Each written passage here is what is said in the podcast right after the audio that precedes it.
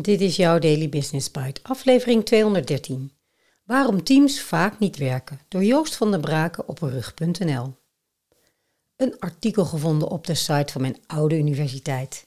En een titel die triggert, maar ook weer een bevestiging is van belangrijke inzichten die ik las in Teaming van Hans en Patrick.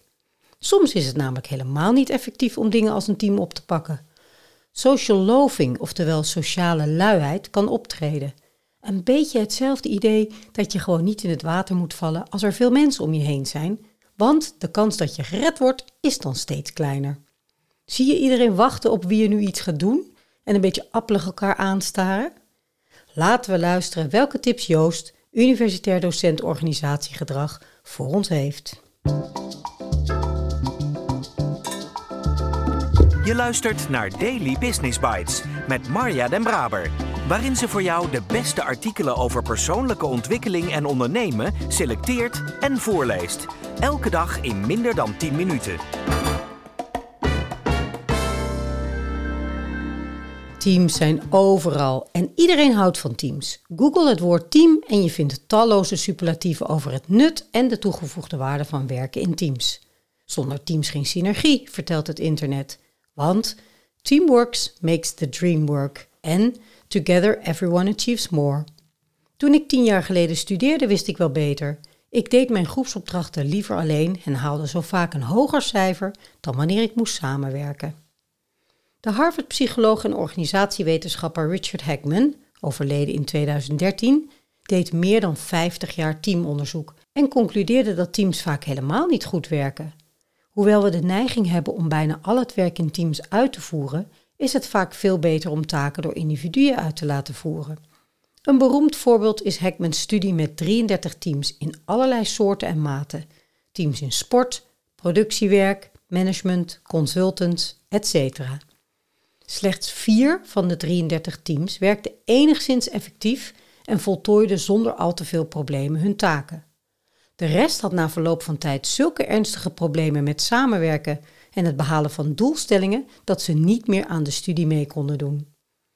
Heckman geeft aan het eind van zijn carrière een reeks van nuttige tips die ons helpen om te bepalen wanneer we werk wel of niet in teams moeten uitvoeren en, als we als een team gaan werken, hoe we dat het beste kunnen doen. Tip 1. Bedenk of de taak past. Veel werk kun je beter aan individuen overlaten. Het schrijven van een boek bijvoorbeeld vereist een creatief denkproces en de organisatie van losse gedachten en ideeën.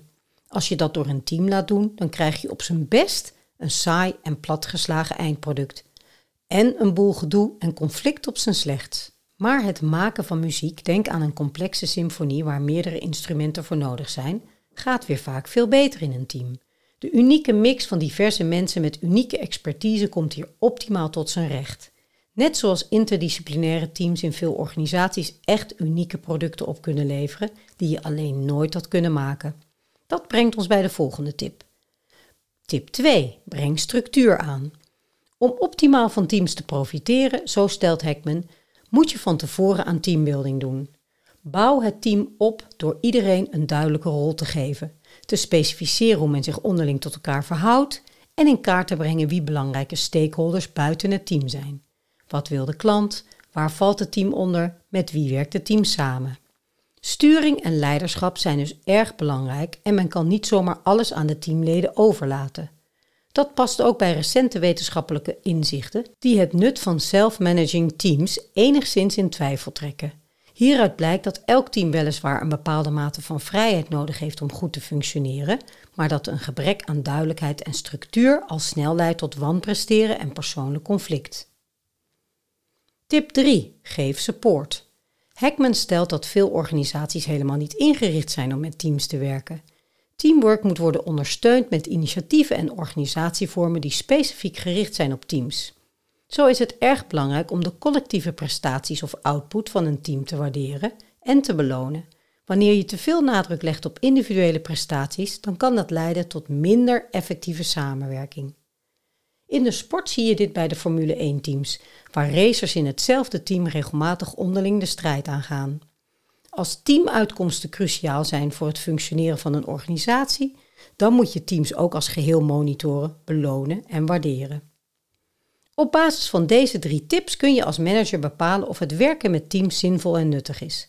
Als de taak beter door een individu kan worden gedaan, of als je niet in staat bent om voldoende structuur aan te brengen en de hele organisatie zo in te richten dat teams ondersteund worden, dan werkt het waarschijnlijk niet.